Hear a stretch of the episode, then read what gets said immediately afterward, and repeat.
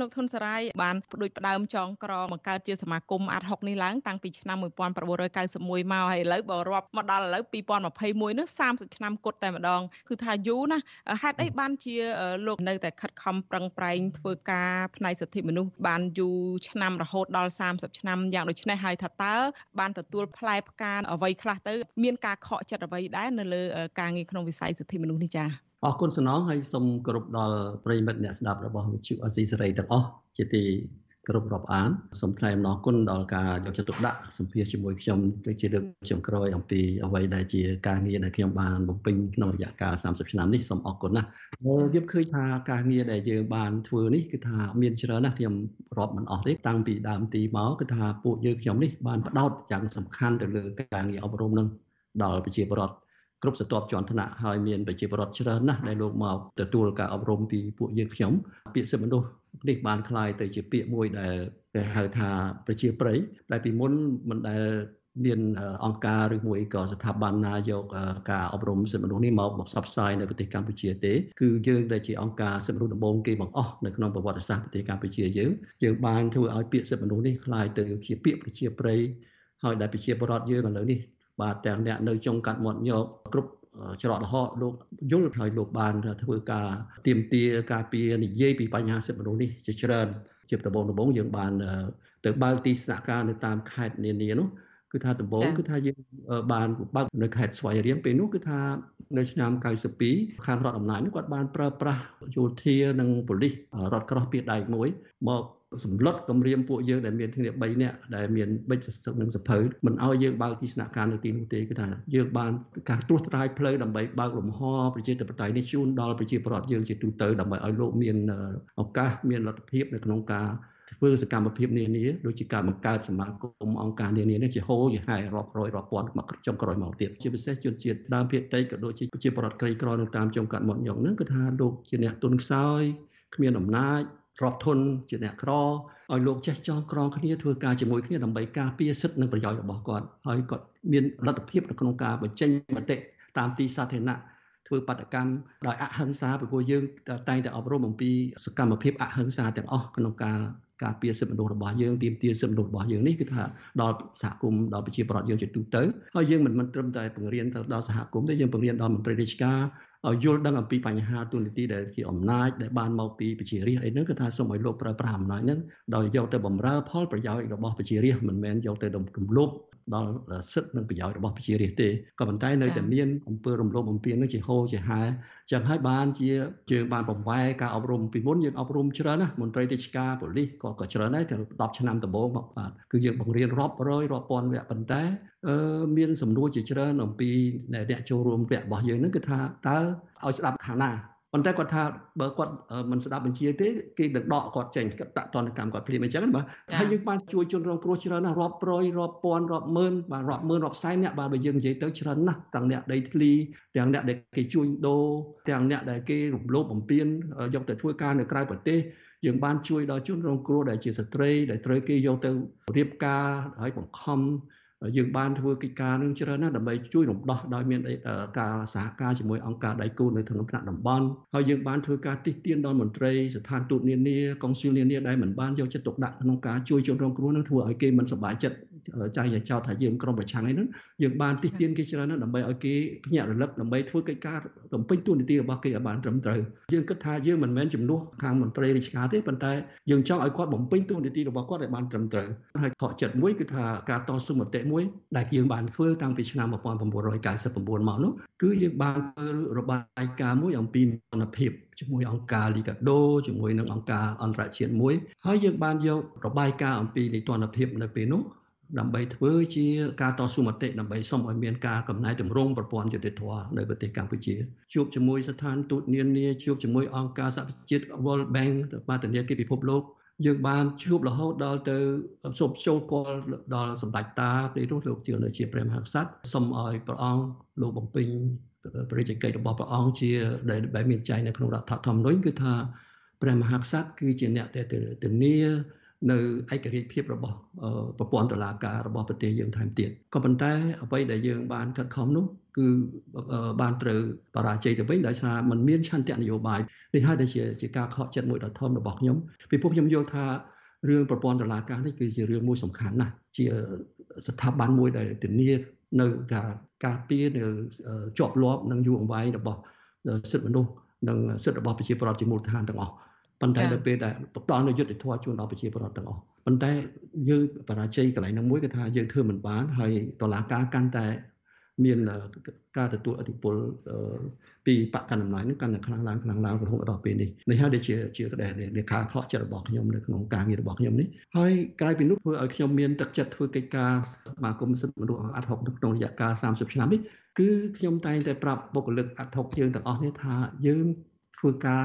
អំពើល្អយើងធ្វើអំពើកុសលជូនដល់ប្រជាពលរដ្ឋយើងដែលជាអ្នកទុនខ្សោយអ្នកក្រីក្រ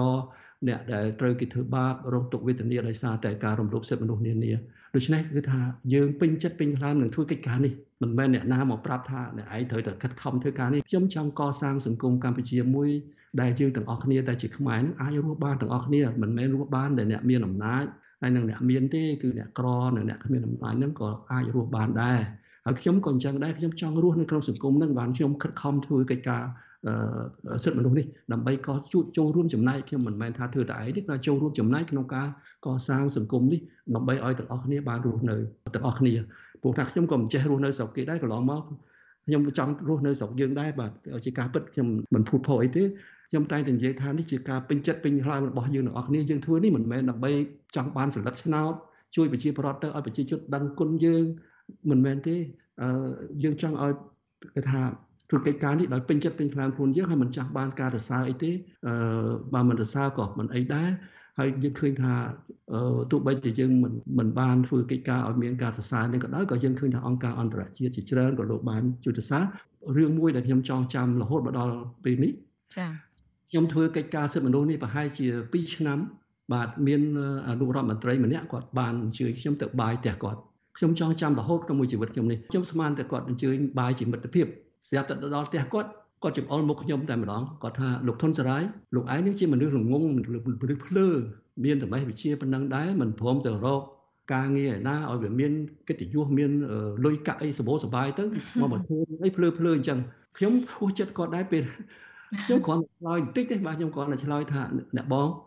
នៅក្នុងសង្គមមួយមួយវាតលតែមានមនុស្សភ្លើដូចខ្ញុំខ្លះ បានវាអាចទៅមុខដែរបើសាមានតែមនុស្សឆ្លាតពេកក៏ក៏មិនល្អដែរទេគាត់ឆ្លើយតែប៉ុណ្្នឹងគាត់លេងខ្ជាំងខ្ចាំងមកខ្ញុំយីអឺលោកសរាយឯងគេដាក់គុកប៉ុណ្្នឹងហើយគុកសិតតែគុកងឹតប៉ុណ្្នឹងហើយរាប់ឆ្នាំប៉ុណ្្នឹងហើយនៅតែនៅតែអញ្ចឹងដដែលអត់មានដូរអីសោះខ្ញុំនឹងរាយការណ៍ទៅមេខ្ញុំហ៎លេងដាក់សម្រាប់ខ្ញុំគិតថាអូមិនមែនជាការហៅទៅទទួលទានអាហារដោយមិត្តភាពទេ គឺជារឿងមួយគម្រាមកំហែងខ្ញុំតែម្ដងកុំឲ្យខ្ញុំធ្វើកិច្ចការនឹងតទៅទៀតប៉ុន្តែខ្ញុំនៅតែទៅជំនះប៉ុន្តែក្រោយមកប្រហែលជាជាង10ឆ្នាំខ្ញុំបានជួបយុវតីម្នាក់យុវតីគាត់ជាមេធាវីប៉ុន្តែគាត់ធ្វើមេធាវីនៅក្នុងអង្គការមួយហើយស្រាប់តែគាត់ខ្ញុំអត់ស្គាល់គាត់ទេគាត់ស្គាល់ខ្ញុំនៅក្នុងពិធីមួយនៅក្នុងស្ថានទូតមួយលោកពូសុធនសារាខ្ញុំចង់និយាយមួយលោកពូបន្តិចខ្ញុំថាមានការអីនេះគាត់ថា ខ្ញុំបានប្រើឈ្មោះលោកពូដើម្បីដោះស្រាយរឿងបញ្ហាខ្ញុំនៅក្នុងគ្រួសារខ្ញុំគាត់ថាមានរឿងអីនាងអាចបញ្យល់ខ្ញុំបានទេគាត់ថានៅក្នុងគ្រួសារខ្ញុំតាំងពីខ្ញុំចេញពី PTV មកធ្វើការនៅអង្គការមកតាមម្ដាយឪពុកខ្ញុំបងប្អូនខ្ញុំឲ្យទៅជួបខ្ញុំគេថានាងឯងភ្លើរៀនសូត្រចេះដឹងប៉ុណ្ណឹងដែរទៅធ្វើការភ្លើភ្លើមិនក៏មិនទៅរកការងារនៅក្នុងរាជការនៅអីទៅមានមុខមានមាត់មានកិត្តិយសមានលុយកាក់អីសបោសបាយជាងស្រាប់គាត់គាត់ឆ្លើយតែមិនគាត់ថាមានគេភ្លើជាងខ្ញុំទៀតស្រាប់ ពុកម្ដាយបងប្អូនសួរគាត់ថាអ្នកថាគេភ្លើជាងនាងឯងទៀតថាមានលោកពូធុនសរាយគាត់គាត់ខ្ញុំទៀតហើយនាងគាត់ថាបងប្អូនគាត់គេស្គាល់រឿងខ្ញុំគេដឹងរឿងខ្ញុំគេថាអូមែនលោកហ្នឹងមែនលោកហ្នឹងខ្ញុំស្គាល់ដែរគេស្នើឲ្យចំណៃគាត់ធំធំបើគាត់អត់យកគាត់សុកចិត្តមកធ្វើការងារសិទ្ធិមនុស្សហើយគាត់ថានាងហ្នឹងគាត់ឆ្លើយប្រាប់ខ្ញុំវិញគាត់ថាតាំងពីថ្ងៃនោះមកលោកពូអើយលែងមាននរណាស្ដីថាខ្ញុំជាមនុស្សភ្លើទៀតខ្ញុំខ្ញុំយកមកពិចារណាក្នុងចិត្តខ្ញុំថា អូខ្ញុំមិនស្មានតែមានតែអង្គការអន្តរជាតិទេដែលគេទទួលស្គាល់ឲ្យរង្វាន់សិទ្ធិមនុស្សមកដល់ពួកយើងខ្ញុំក៏ប៉ុន្តែនៅក្នុងចិត្តរបស់ប្រជាជនខ្មែរជាច្រើនទៀតនេះជាគ្រួសារមួយដែលដែលបានទទួលស្គាល់នៅអ្វីដែលជា ការលះបង់របស់ពួកយើងខ្ញុំដើម្បីធ្វើកិច្ចការដែលភ្លឺភ្លឺហ្នឹងពួកខ្ញុំអត់ស្គាល់គាត់សោះគាត់ប្រាប់ខ្ញុំអញ្ចឹងប៉ុន្តែមានអ្នកដ៏ជឿជាតិច្រើនទៀតប្រហែលជាគេមានការទទួលស្គាល់នៅការលះបង់របស់យើងដែរលោកធនសរាយក្មួយសុំកាត់ប្រសាសន៍លោកបន្តិចតើក្នុងស្ថានភាពសិទ្ធិមនុស្សបច្ចុប្បន្ននេះលោកមើលឃើញថាអ្វីដែលជាបញ្ហាសិទ្ធិមនុស្សសំខាន់ដែលគួរតែមានការកែលម្អឬក៏អ្វីដែលថាមានភាពប្រសើរឡើងហើយនោះចា៎ ខ្ញុំគិតថារឿងបញ្ហាការលើកស្ទួយសិទ្ធិមនុស្សការងារសិទ្ធិមនុស្សការងារប្រជាធិបតេយ្យនេះគឺជាការងារមួយវែងឆ្ងាយអឺมันអាចយើងធ្វើបានក្នុងរយៈពេលខ្លីបានទេហើយជាពិសេសប្រទេសយើងដែលឆ្លងកាត់នៅអំពើខូខើសង្គ្រាមកាប់សម្លាប់សម័យខ្មែរក្រហមខូខើណាស់សម័យគ្រប់គ្រងដោយវៀតណាមក៏ធ្វើបាក់ទុកធ្វើទុកបុកម្នេញ អញ្ចឹងអតិពលនៃអ្វីដែលអាក្រក់អាក្រក់ទាំងអស់នេះវាស្ថិតនៅក្នុងសង្គមយើងនៅច្រើននៅឡើយអញ្ចឹងការអប់រំការបណ្ដុះបណ្ដាលក្នុងរយៈពេលតែ30ឆ្នាំនេះខ្ញុំគិតថាវាមានចំណុចដែលល្អច្រើនក៏ប៉ុន្តែឥឡូវនេះស្ថានភាពសិទ្ធិមនុស្សរបស់យើងវាបានប្រែក្លាយទៅជាមិនសូវល្អទៅវិញឥឡូវនេះបានធ្លាក់ចុះ គឺថាស្ថានភាពសិទ្ធិមនុស្សរបស់យើងវាអាក្រក់តែពេលចិត្តបោះឆ្នោតព្រោះថាអ្នកនយោបាយយើងគេប្រកួតប្រជែងគ្នានឹងគឺថាគេធ្វើទុកបុកម្នេញទៅលើបញ្ហាសិទ្ធិមនុស្សនេះនៅពេលចិត្តបោះឆ្នោតប៉ុន្តែក្រោយបោះឆ្នោតរួចតែតែបានប្រសើរមកវិញក៏ប៉ុន្តែពី2017 18មកនេះគឺថាយើងឃើញថាស្ថានភាពនេះចេះតែធ្លាក់ទៅធ្លាក់ទៅមិនល្អសោះបាទប៉ុន្តែខ្ញុំនៅមានសង្ឃឹមថាវានៅមានលំហនៅឡើយបើយើងប្រៀបធៀបទៅថាយើងមិនទាន់រមៀលរហូតដល់ដោយប្រទេស វៀតណាមឬប្រទេសចិននៅឡើយទេ ដែលលំហប្រជាធិបតេយ្យនោះគឺថាវាបិទទាំងស្រុងតែម្ដងបាទដូចជាវៀតណាមនិងចិនជាដើមនោះដូចកូរ៉េខាងជើងជាដើមនោះគឺថាផ្ដាច់ការទាំងស្រុងតែម្ដងប៉ុន្តែ នៅប្រទេសយើងនៅមានហៅថាអង្គការ NGO នៅនៅមានសកម្មភាព ខាងអង្គគណៈបកនយោបាយនានាក៏មានសកម្មភាព គាត់ថាគណៈបកណាធំដែលមានកម្លាំងដែលអាចទៅប្រកួតជាមួយគេបានគឺគេមិនឲ្យចូលរួមប្រកួតជាមួយគេរកពិធីផ្សេងផ្សេងដើម្បីបំបែកឬមួយក៏កម្ចាត់កម្ចាយអីចឹងទៅនេះជាជាអ្វីដែលយើងបានបានឃើញដូច្នេះលំហនេះដោយសាររដ្ឋធម្មនុញ្ញ1993របស់យើងនៅជាធរមានអញ្ចឹងខ្ញុំគិតថាលំហនៃសិទ្ធិមនុស្សនៃនៃប្រជាធិបតេយ្យរបស់យើងនេះនៅមាននៅឡើយអញ្ចឹងយើងគិតថា ខ្ញុំបាននិយាយផ្ដែផ្ដាំខ្លះហើយទៅជាមួយនឹងអ្នកដឹកនាំរបស់អាត់ហុកយើងថ្មីក៏ដូចជាមេដឹកនាំ NGO យើងមួយចំនួនដែលខ្ញុំបានស្គាល់ខ្ញុំគិតថាយើងត្រូវតែធ្វើការងារនេះបន្តទៅទៀតហើយ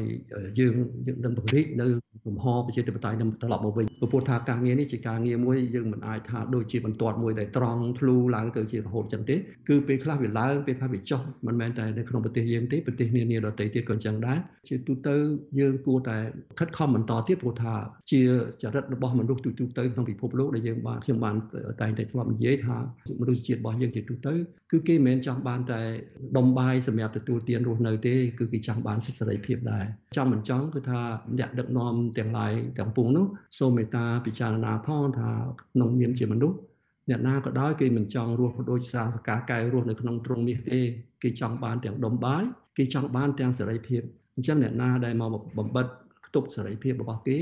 គឺអ្នកឯងធ្វើមិនបានទេគឺប្រច្រាស់នឹងសេចក្តីប្រាថ្នាការចង់បានរបស់ប្រជាពលរដ្ឋរបស់មនុស្សជាតិហើយអញ្ចឹងគួរតែការពិចារណាបោ